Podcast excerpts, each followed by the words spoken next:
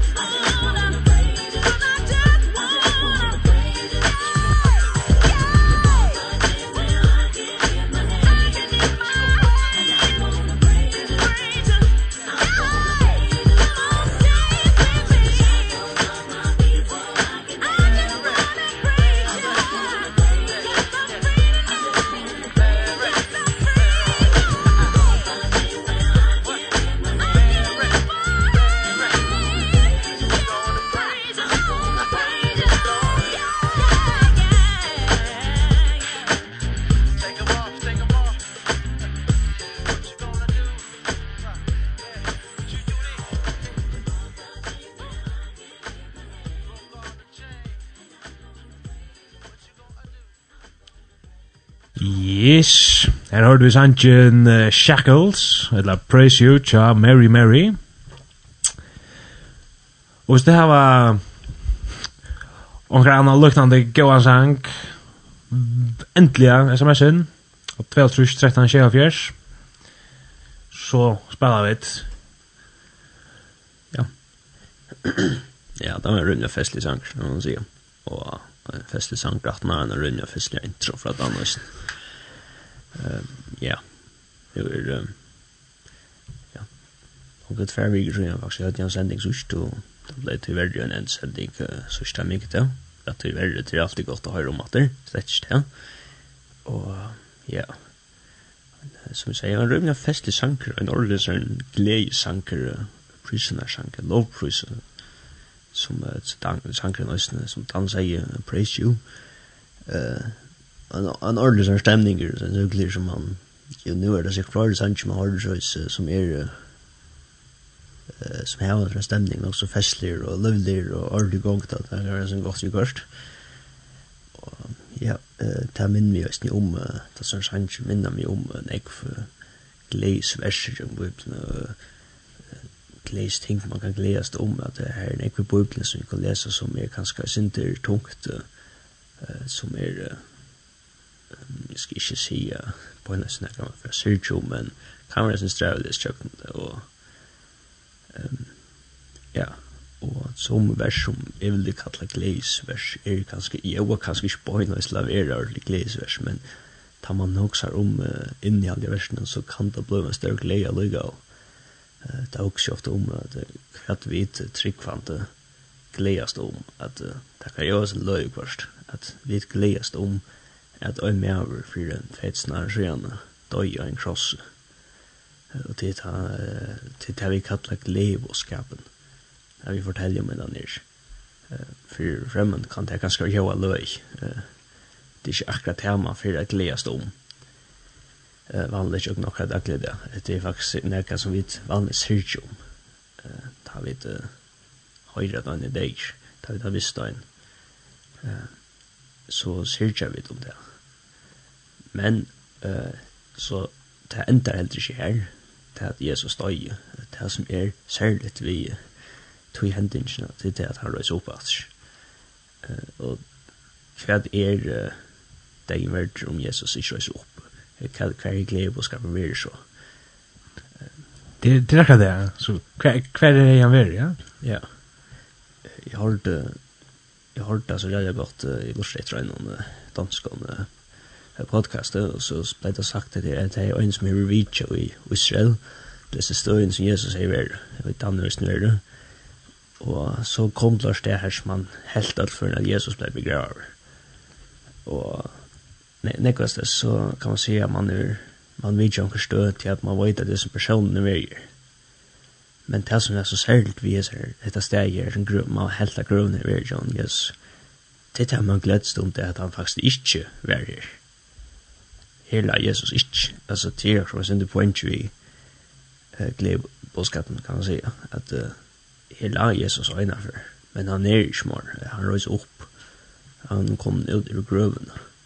steinen er rotlar vekk, som man säger just um, og tog uh, till uh, tej så sin grunn til at vi kunde glädja sig ting Og, og ett vers i Johannes 11:25 at Jesus sier vi gärna stender Jeg er opprøsnen og løyve, han som tror av meg skal leva, om han så døys.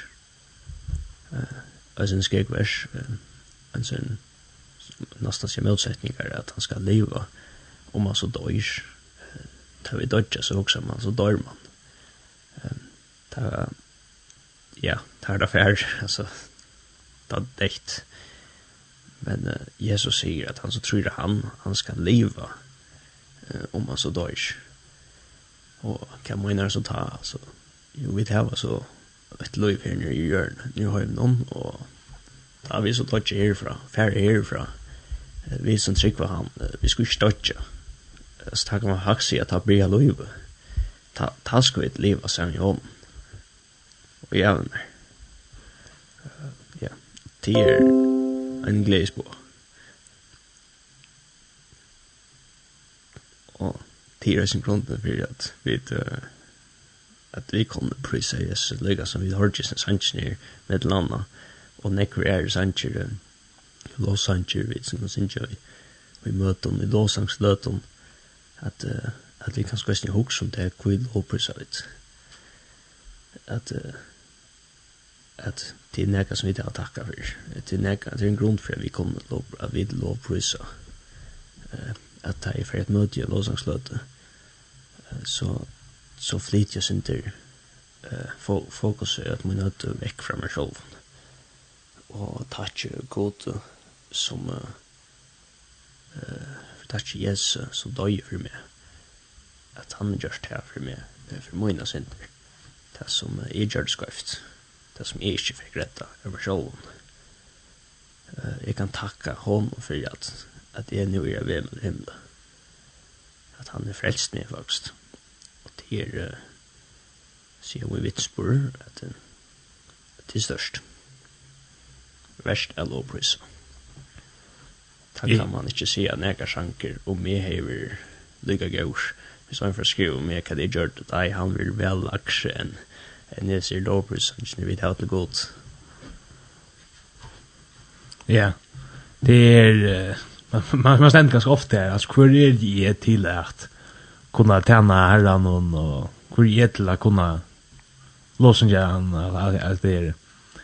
Men alltså, hur är spännande till att hur är du inte den som kan göra det? Alltså, Jesus, han, eller, vi kan säga god. Ja, han är allmäktig och större och vid er och sender människor som alla allt förhåll till vi god, så vi där är uppe på det han sier kærløyga, men han gjevur okken kærløyga, og hver er jeg så til å sia nøy, altså, ta, ta, jeg, jeg finner ikke billettene, hon, hun er der, stender framme for meg, jeg skal bare, altså, jeg tids møter henne, hver er jeg så til at, jeg vil kjæve til at, nei, jeg vil kjæve til møy, eller, jeg vil kjæve til lukka, eller, hvordan man skal sia det, altså, jeg har jo ofta så sier man, vi er jo, vi er jo ikke, altså, god stor och god fantastisk och allt det där och skoft och um, jag vet er då sent människor och vi där uppe på närka allt det sagt du men så så efter hinvin ta i god säger att jag har just eller jeg har jeg elsker te mer enn jeg elsker nær annan skapning altså.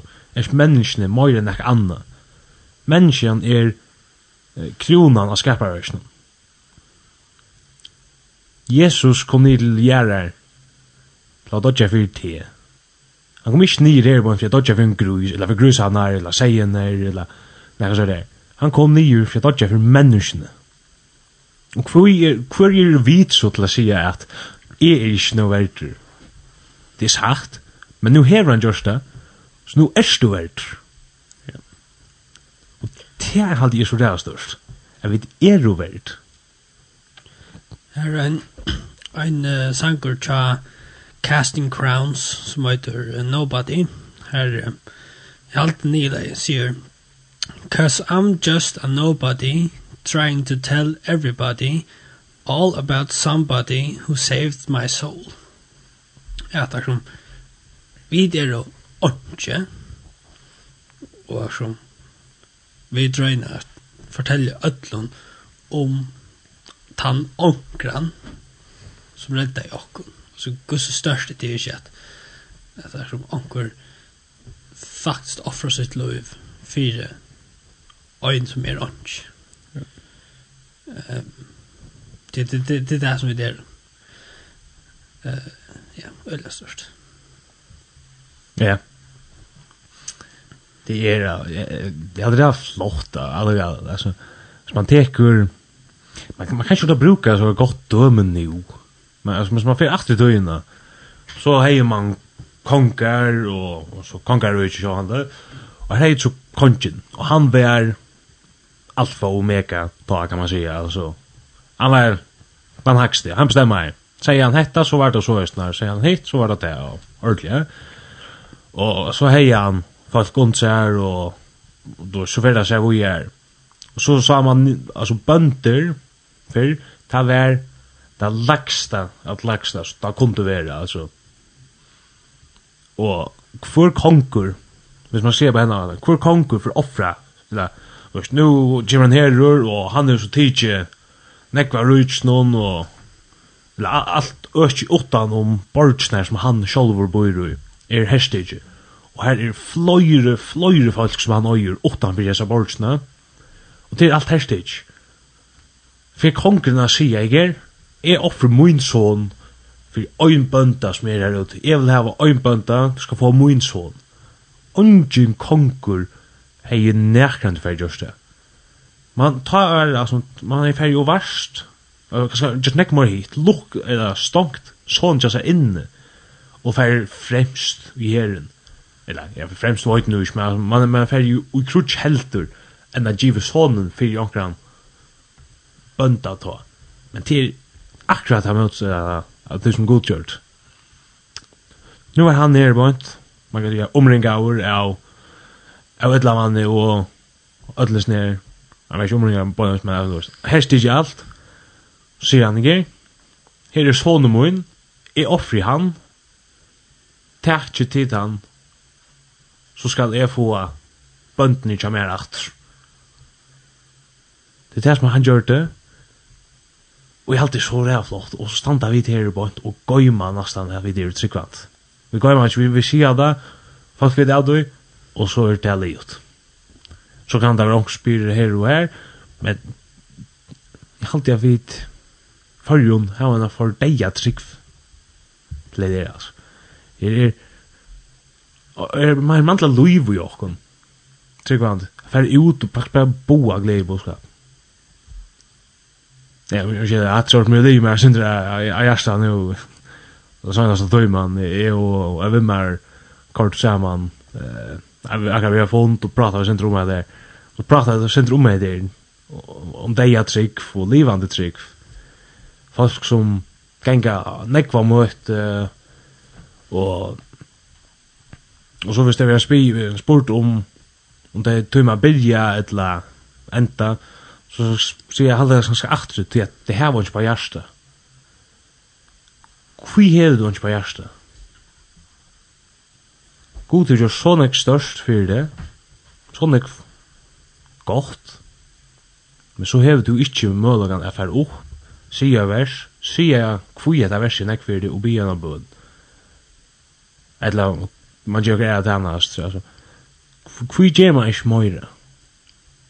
ofta vil jeg helt at uh, problemet er kanskje ikke her man ikke kjenner hva hjert uh, til det man sier. Ja, men uh, ofta er det kanskje nega som ligger etter for natt at man tøymer ikke, man tør ikke. Hva er det nå hvis nå hesten sier det hva er det nå hvis nå hesten forhalda det om jeg kanskje jeg er ikke klar, men det er godt. Og nekvar er erfaringer som fyrir jeg knøtt som vilja stoppa der. Vi at hava etter byrja, enda, tala, vittna, okkurste, hjelpa en johan på en kramata, at uh, du er bensin, du den vegna, om omkring andre ganske for at det var nye på en kramata. Etla, okkursort, jeg tar vi kjent dem i sjån, jeg har hørt, jeg snakker folk som har sagt det, Jeg skal ikke at det er problem i Gjøtland. Det er godt at det passer, de sier at ikke jeg bare er at det passer. Men jeg vil ikke helt til at det her kom til å være mulig ikke. Ta vi da hårsten noe godt. Som du sier, hvordan kan vi til tjene noe på hjertet? Er viser til, sikre til at at her, her må være åkst. Så kan vi spørre til det at er det noe vidt som det er da. Ta vi det at Jesus er det noe vidt. Ta vi ta bil god om han og gjør hun. en høyde jeg antan at jeg gjør noen. Han tar er det ikke vidt vi vi har simpelthen ikke noe større vitan til å bo og glede på skapen ut. Paulus snakker om at den menneska vitan, han, han er simpelthen ikke noe større. Vi skiljer det ikke, vi fatter det slett ikke. Men anten som god gjør okkon, han skal ombereda for okken. Han skal ta det gjør okken. Vi hånden så kunne vi bo og glede på skapen ut. Og her er flere dømer i Bibelen her som personer som satt enda søtte er klart. Her gods faktisk viste dem ta båten er møtsatt. Um, David var en liten person. Han felt Goliat. Uh, han ble, uh, man kallar han, uh, nær etter gods hjärsta, ikke? Uh, ikke til han var perfekt. Uh, ikke til at uh, han ikke klarer seg men tog jag att uh, god kunde bruka han. Där vill jag god bruka sig just. Uh, nu, jag, jag blandar jävligt ofta men var det inte hva var det som førte Israels folk ur Egypten? Moses. Jeg kan jo, jeg måtte sagt Josef, men i helt høysen. Iblant en latt navn, og navn. Han sier vi god at, eller fortalte god at problemen han hei vid han skulle tala stämma eller vad det var. Han då snackar framför folk ju och då det är klart ju då det. Och han kan nu kan han gjort eh ett cyklist till i hon men eh men det gör gott. Men men i all dösen det att som han säger att att fall sig är hans på hjärta ta i man spår om att hälla eller ha bridge eller så men det är ju allt som jag tar gav. Man man man tar sig om att ongen oppgave er større eller minne och i, och i noen misjonsarbeid her tant som talar er lika viktigere som tant som er i kursen eller tant som vaskar veser eller kvett nu han men det skal nok gjøre rett at her ongen alle oppgaver er lika større allar lika viktigere men det er absolutt ikke alle som lika kjønnlige bare til at han sitter i salen og ikke vil på paddelen at byrja, så kan være han sitter bygger. At det er ansvar gav. Altså, man må lukke hukse og så i så østene at, altså, ja. to, to vorst ikke kvett, kvett han hukser, kvett han for noen. Altså, man må ikke døma på den måten som, som vi ofte har hod til å døma. At, uh, det finnes lett du ikke vil ta, og selvfølgelig, altså, Det kan være veldig at onker hev deg et trygg som sidan, men, men folk er for seg til at leipa og blama. Ja, takk for å si det er Ja. det skulle ikke gjøre som er med annet til nei. at det skulle halda til, til eller presse det til noe. Nei, nei, absolutt ikke, men det er, nu nu skal jeg si det, ordentlig ærlig, jeg vet at det ble sagt vi er sindre, det er dømant i egen og fra meg her, det som er det man har man hickar drunk man helter att det är och antalja bigvin og alt det der. Men man vet ju inte alltid kvar folk är då. Eh och man vet helt inte alltid kvar uppgåvor alltså kvar några eller uppgåvor det här var utrunne. Tack för att du akkurat det där. Eh ja, det er viktig detaljer här var vi. Eh, jeg minns nämligen det en film som heter Left Behind alltid det er helt ikke direkte en, en, uh, kristelig film, Det kan være at jeg skal ikke tog, men her uh, filmen går ut på det at, at uh, det er ta og i god kommer atter etter sin følelse. Og det er det som filmen går du du vil introdusere for jeg som folk noen.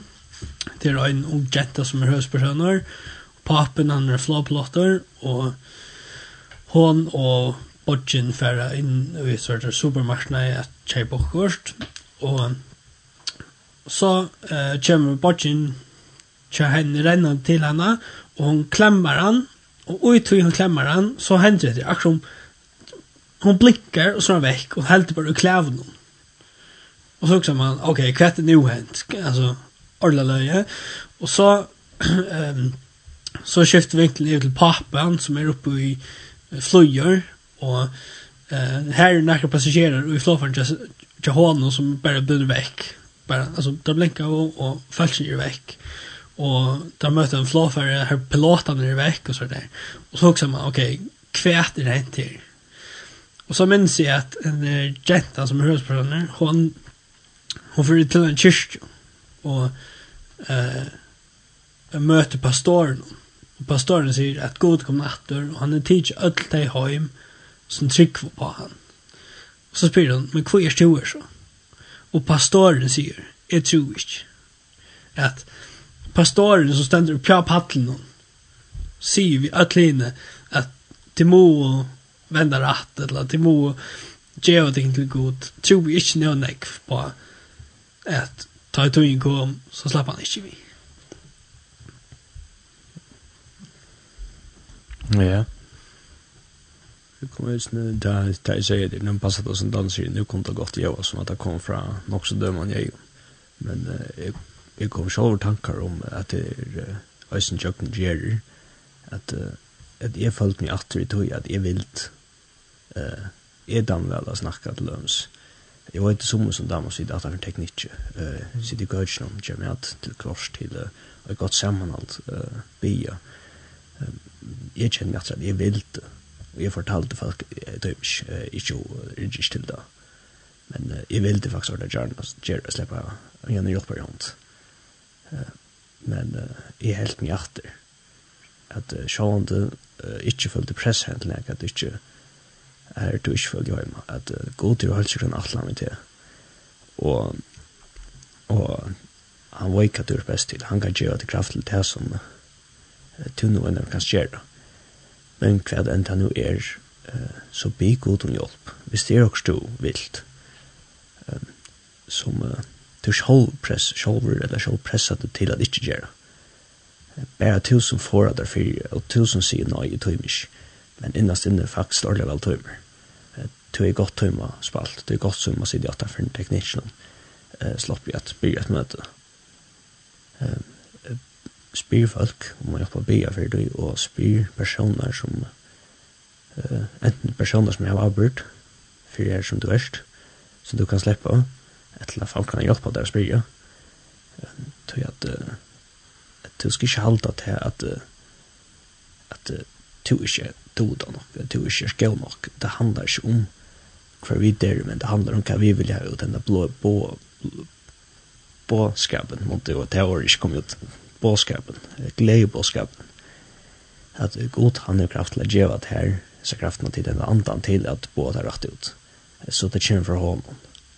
At, nei, som det godt, ja, jeg sier jo som det godt, Jannes, at du nevnte, altså, at det er ikke følende som dømande eier, som at vi jeg døma at han som ikke um, vil opp. Um, til at det er heldig kjøys at vi gjør det, fire at norska skott. At ikke hvis nå er gjør det, så skal det nok komme hjem av Så skal god elske ham. At det ikke tror vi gjør det.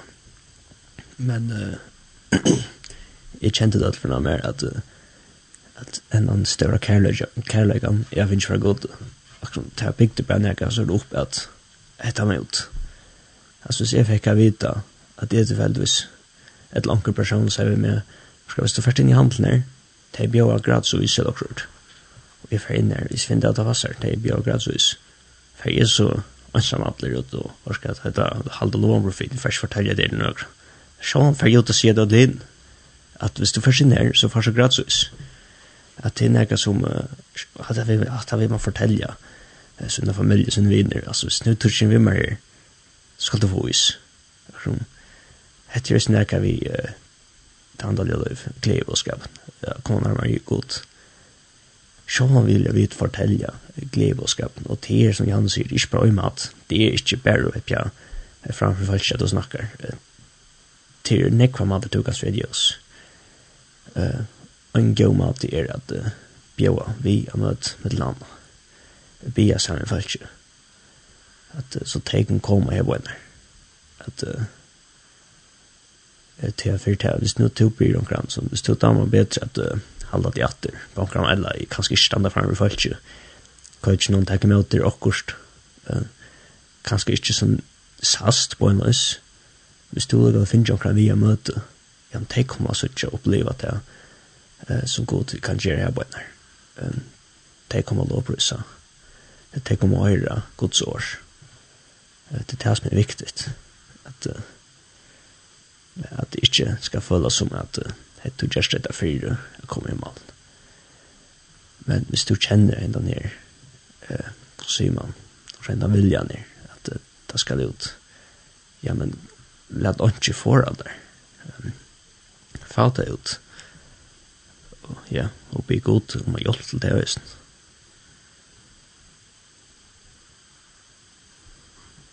Ja. Ehm Vi har finnst jo sms-en, og samme skipen av Jokun, som er 2313 Sheholfjers. Og her skriver en lortare, jo, jo, jo. jo, jo, jo.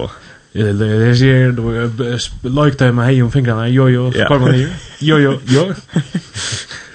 Men her stender, jo, jo, jo. Super at høyre deg kun aftur. Kunne tid spela sanchen, Kanst du sia nøy, tja, samsint. og han skal du fåa her.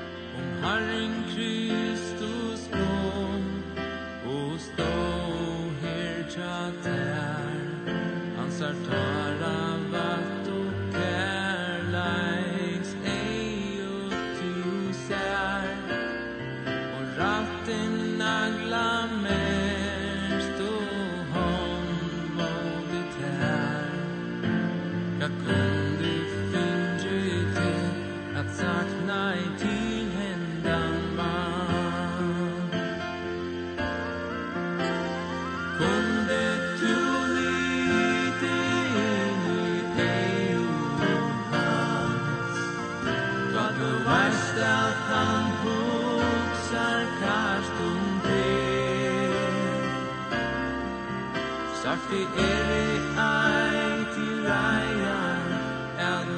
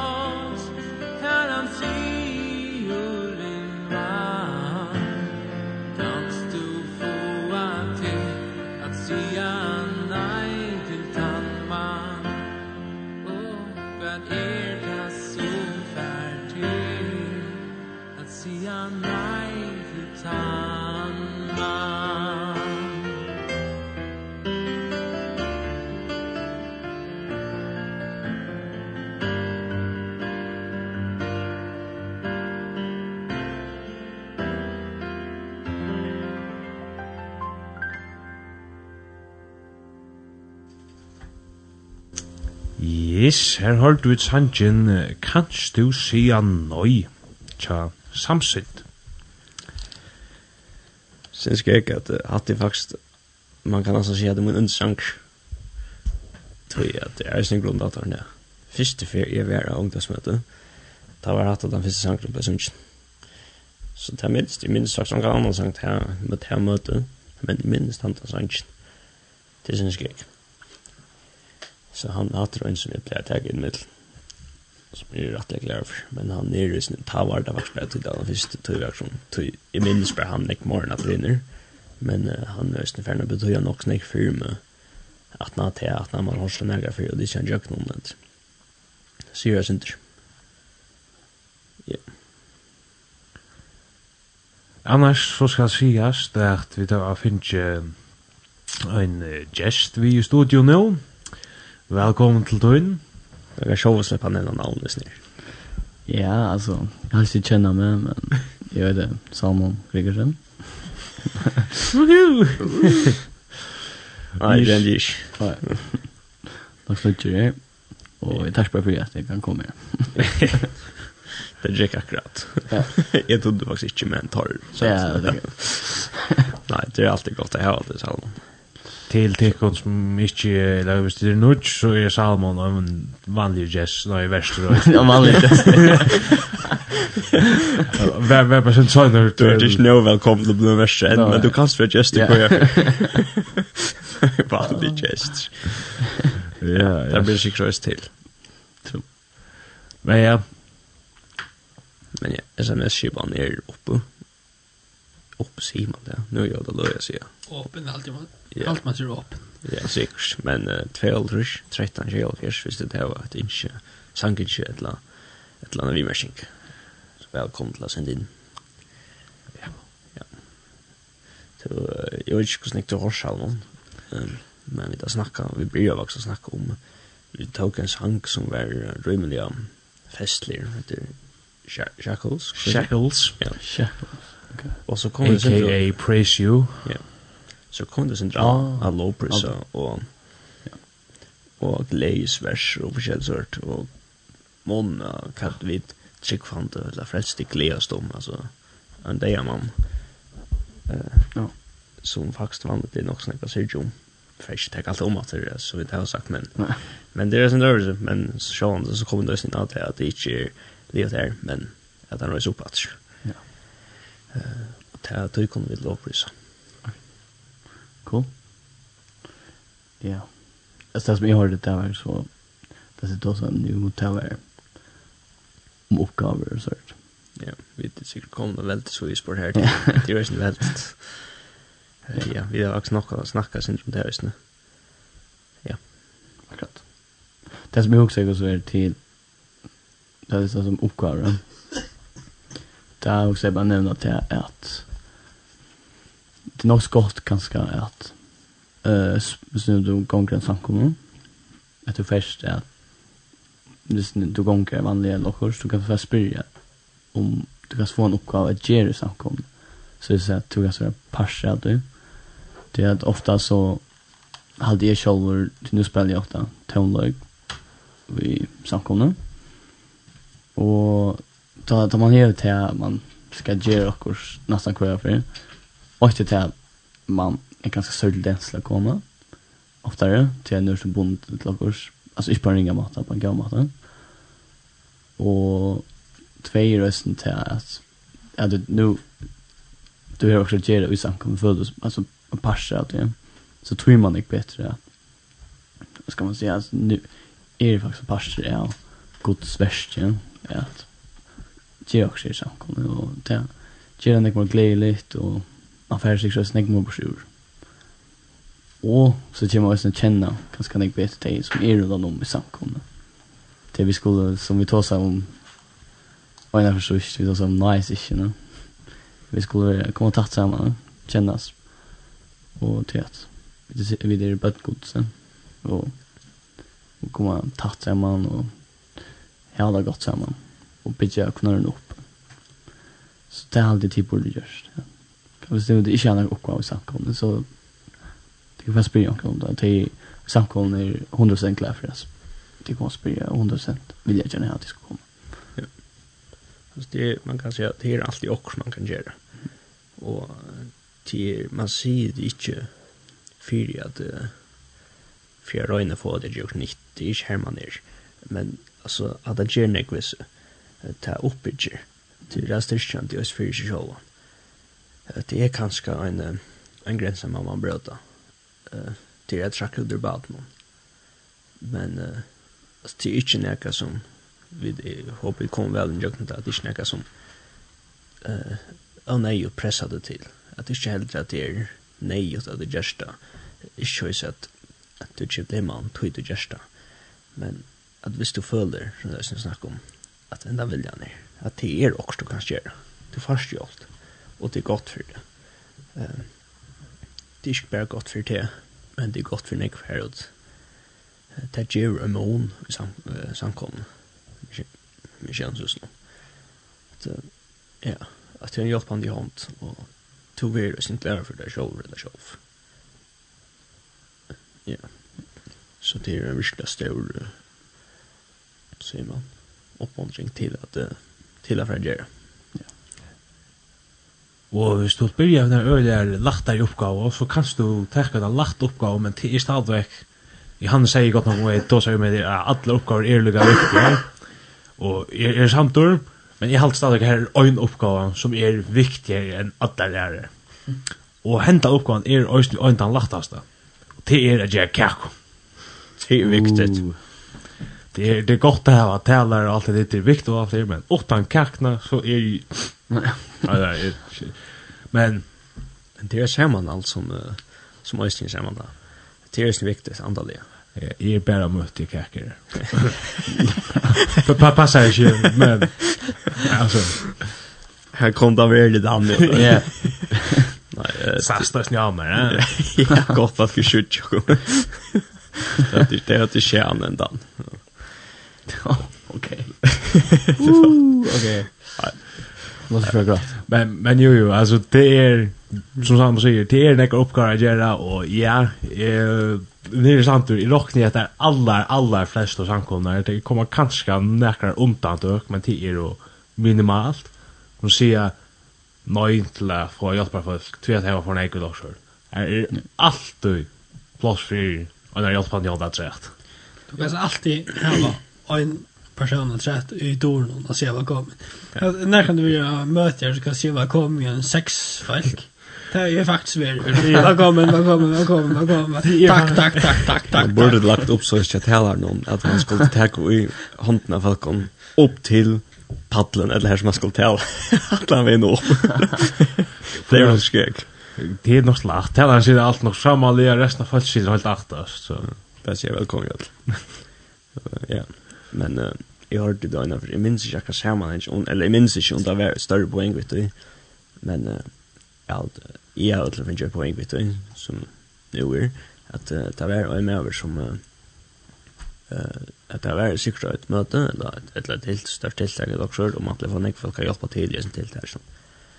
Og så man skal finne folk, eller omkring til å tale, spille og løye, og enda og byrja og alt mulig så hørt og så skal man ikke finne folk at tag med oss, og så blir det en person som kanskje er til langt til fyrir, og kjeldsørt, og kjørst noen vi har hva kallet større oppgaver, så blir han spurt til, altså, tag med oss. Spør nei, kan jeg, kan jeg ikke få en, en ordentlig oppgave, en større oppgave, og en som jeg må si. Og jeg halte at det var og smøyre vi søvnet, men jeg har stekker, at uh, ta er man kanskje lykke, ta burde man kanskje lykke å komme en bridge til sjålen, at hva er det nå, gjøre, hva er det vi gjør det? Er det for jokkere skilt, eller er det en annen grunn til det? Uh, er, jeg har alltid etter praten litt after kvöld, og i samfunnet jokken på Bibelen, at vi får ikke møte for at vi viser åkken for jorden, for hvordan vi har vi da. Vi er sammen som samkommer, at høyre om god, om åkker frelsere. Mm og lovprisa han. Eh, etter så vi kan komme nærmere i hånden.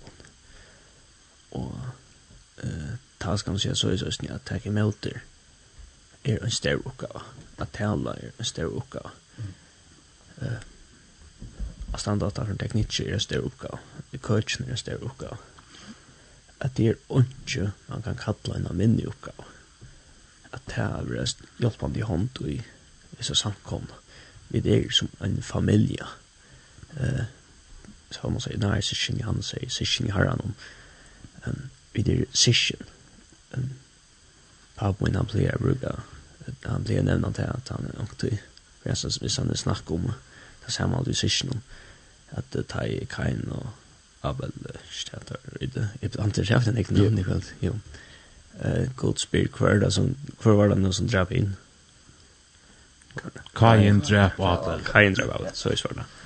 Og ta i et himmel hent, så innanfor da, så spyr god, ja, jeg har en god spyr han, hver i bror din. Og ta, eh, sier Kajen, og jeg er om bror min. Altså, og jeg er gøy i min.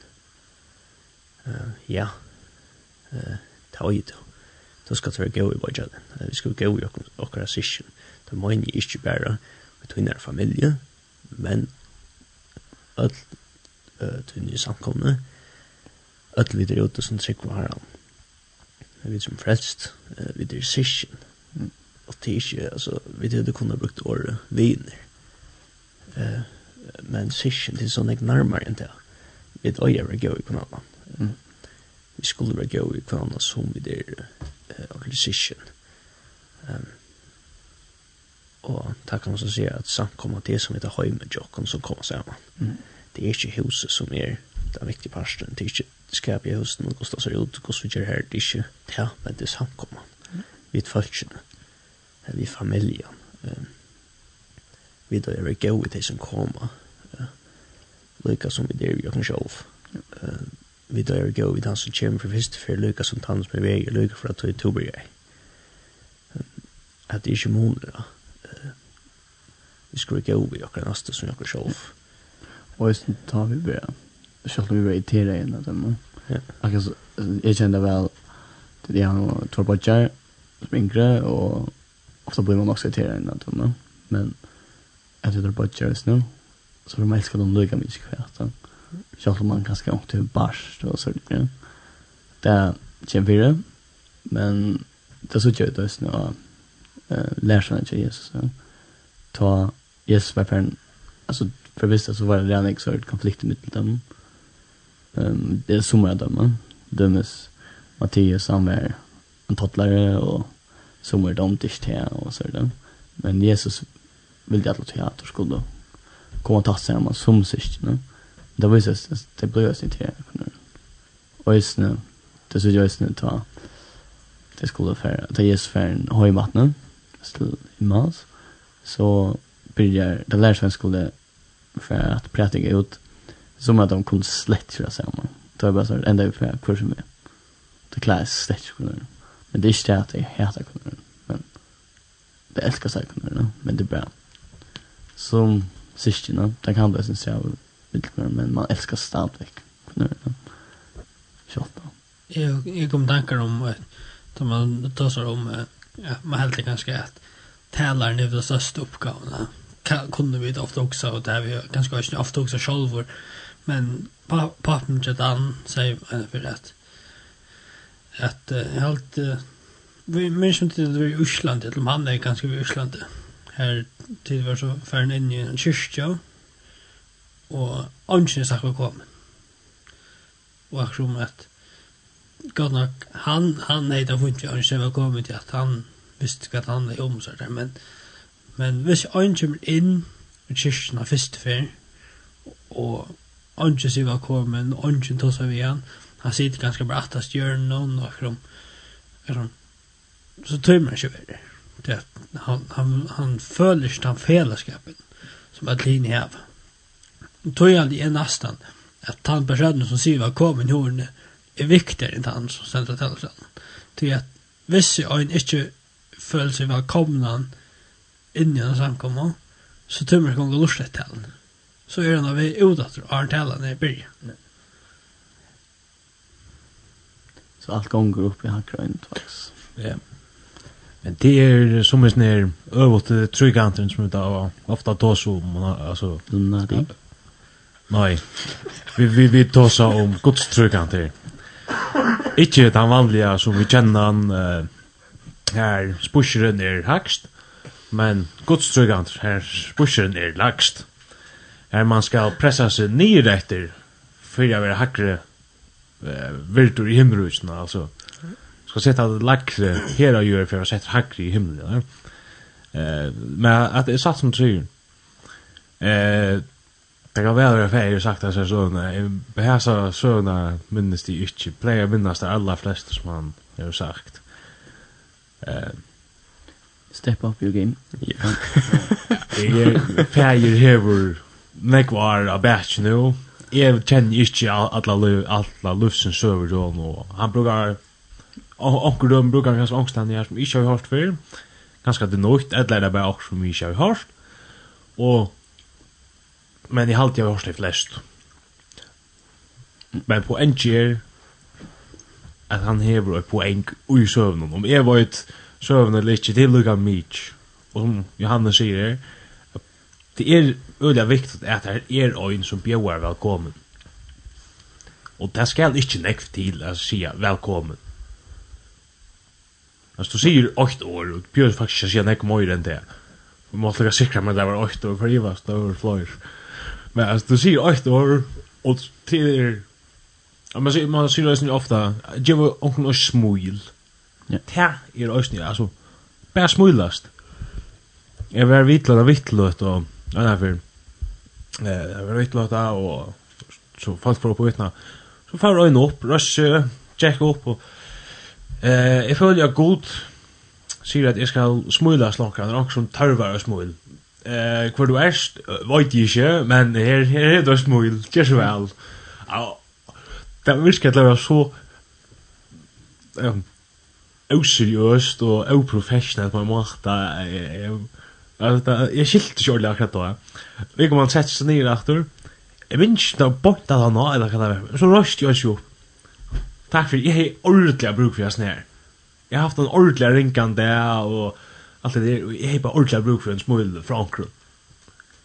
Og så tar jag bara til to som arbeider, og jeg skilte at til er lukka mykje, altså, to arbeider, og Men alltså det är luktla detaljer som gör det det stora tingene. Det stora tingene ganska gör ganska det minn. va. Um, amen. Men ja, alltså mer kom tankar om Jan som jag lät det var jag har sagt det förr, men det är det är vi så att säga nej nej det uppgår uppgifter samkomna. Och då så om att alltså hur viktigt ting är då. Alltså man är talaren och så där Men allt är viktigt att känna. Men så vill jag också säga till det som Paul säger som han nämner till er att om du är största kärleken så är det till åntis. God kanske brukar den här. Hvis du en talare han är sjuk att tala, han är bästa gången till att kunna tala. Tor sjuka väl. Men han är inte det kärlek, han är det 24 att ånder här skulle gagna seg av det, men han gjør det for sin ganske sin kjøls, så sier god, han kan ikke bruke det nekka. Det er til åndsjes. Og så er det vi ødelen gav, og så er nøye det er oppgaven. Og jeg er den ganske den som sier velkommen. Så jeg gjør det tog at han faktisk bjør den velkommen.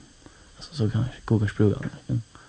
Det är ganska, som säger, vi smul, det är ganska snu, man kjøler møyna da, da hun sier välkommen ganska man smuls ordentligt ja. och det blir ens man det är ganska där jag så där försöker hjälpa på samma mat. Ta man ju kan det är ju lugna kraft ja.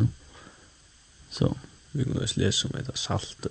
Det var inte dräcka vi tills hemma inte men det går från tanken med det saltet som dolnar att han sitter kan inte brukas till annat än att det är track om till fötter att man tar salt i saltet dolnar så brukt man det faktiskt som en sån sån här grusaktigt till göter. Mm det var ikke verst morgen det. Det gjør det faktisk ikke til oppgaven som salt. Salt i åtte kjere som gjør veldig enn av medene. Men faktisk på en måte, altså, det var en poeng, men da, da fikk det, man fikk brukt det lika, men på en kjere, det var faktisk ubrukelig. Mm. Det ble faktisk bare blek ut. Ja. Det ble ikke brukt til til oppgaven, så det faktisk oppgaven, det burde bli brukt til. Mm at ja, så är det inte min smäschet och kärlek och smäschet för sin egen skild. Jag kan det inte ta värst. Ja. Ehm, att det är sentri ut från förra Korint 13. Eh, 8.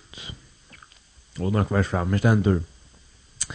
Og vi talar ju vi tungum manna og ankla, men hei ikkje kærlega, ta vare jo, jomande molmur, eller klinkande bjötla. Kan vi det? Jeg kan språta om alt. Eh, om vi hei profetagaver og kjente öll lønda og løndarmal og åtte allan kunnløyga og om jeg hei allat sikk så at jeg kunne flytta fjöll men hei ikke kærløyga ta veri i orts og om og om jeg bukti ut allar okne munar og om jeg lært lika mot så at jeg var brentur. Men hei ikkje kærlega, ta gakna i temer ånds. Kærlegen er lengmauer, han er gauvillur. Vil, vil, ja, viljaur. Gauviljaur. Kærlegen øvundar ikkje, kærlegen er ikkje staur oraur, blæsur seg ikkje opp. Og så fyrir fyrir fyrir fyrir utan kærløyga, så er vi, så er vi nok.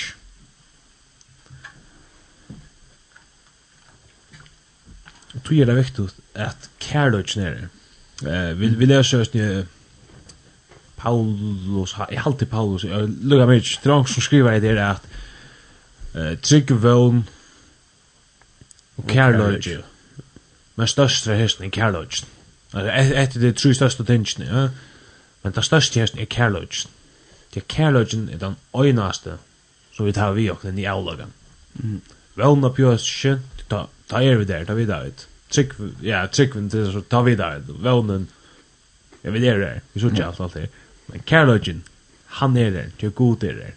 God er jo kærløgjen, det er vi kærløgjen at vi skulle gjøre alt. Mm. Og du nevnte just nu der vi at du sitt hadde hos profeter gav og om at visdom er alt det der vi kjører kærlek. Og så var også hun hver vi få en av visdom fra at det er ikke kjøkken åkken. man nevnte just nu der at hun kjører vi da for åkker skilt etla for god at at det er ikke vit men det er god som skal gjøre åkken en annen er som fer åkken til å tale. Han som gjør åkken en annen visdom er at uh, det er ikke okkara visdom, men gods som gjør at vi kom til med glede og skrapen ut. At, uh, at det synes en kærløk er, at vi gjør det kærløk, at vi gjør det, vi gjør det god, at vi blir god som har hjulpet oss med tog. Det gjør mye hva det er. Om vi vet hva kattet den større oppgave til å lytte, at uh, det er god som har hjulpet oss med tog det. Om det er sast eller ikke. Ja. Ja. Jeg har rævlig et eller hoa enda nu, men tyverre så... Tøyen er rundt rundundan nok. Ja. Uh, vi der finnes noen sms inn vid uh, lesa det lukka, og så takka ut og spela sørsta sang. Men var det takka sørsta sang, så takka det for jokkul, Men sms-ene fyrst. Og er er som skriver, så døylt å høre det kun. Jo, godt å høre at du lustar reisene. Og så er jeg et, et annet sms. Uh, Hei, takk for en goda sending. Kan jeg... Kan jeg høyra sangen? Kan jeg høyra sangen, må da standa. Nobody, tja, Casting Crowns. Jeg var ikke med sangen i kvar. Ganske. Du, eh... Uh, Ja. Du skal alt uh, sleppa å få sangen, at jeg han ble tåsar og sindre onda fyrir sendingsne og ja, han, han lust nok så vel det det som ble sagt da så her hever du sangen Nobody in Char, Casting Crowns og Matthew West. Gott at mitt mjög der eh Vester kvöldvar og Terlaur, Atlasen Rasmussen. Salomon Gregersen som gäster. Jo, Johannes Bertelsen. Og Danja Hansen. Jeg håper det kommer nästa show.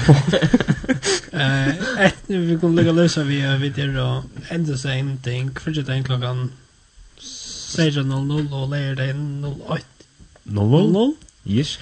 Og man kan også finna hesa sendingina og er sending inn i linden.fo eller inn i Spotify, ja, vi her er vi også som podcast. Lysas kan også vi at de kunne finna okkur bæja Instagram og uh, Andisbøk, Facebook, og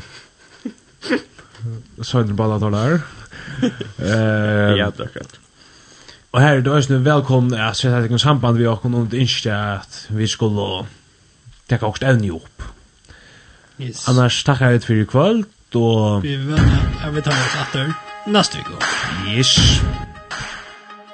Why you ever chose me Has always been a mystery All my life I've been told I belong At the end of the line With all the other not quite With all the never get it right But it Turns out they're the ones you were looking for all this time. Cause I'm just a nobody trying to tell everybody All about somebody Who saved my soul. Ever since you rescued me You gave my heart a song to sing. I'm living for the world to see. Nobody but Jesus living for the world to see. Nobody but Jesus. Moses had stage fright. And David brought a rock to a sword fight. You picked 12 outsiders nobody would have chosen And you changed the world. Well the moral of the story is Everybody's got a purpose.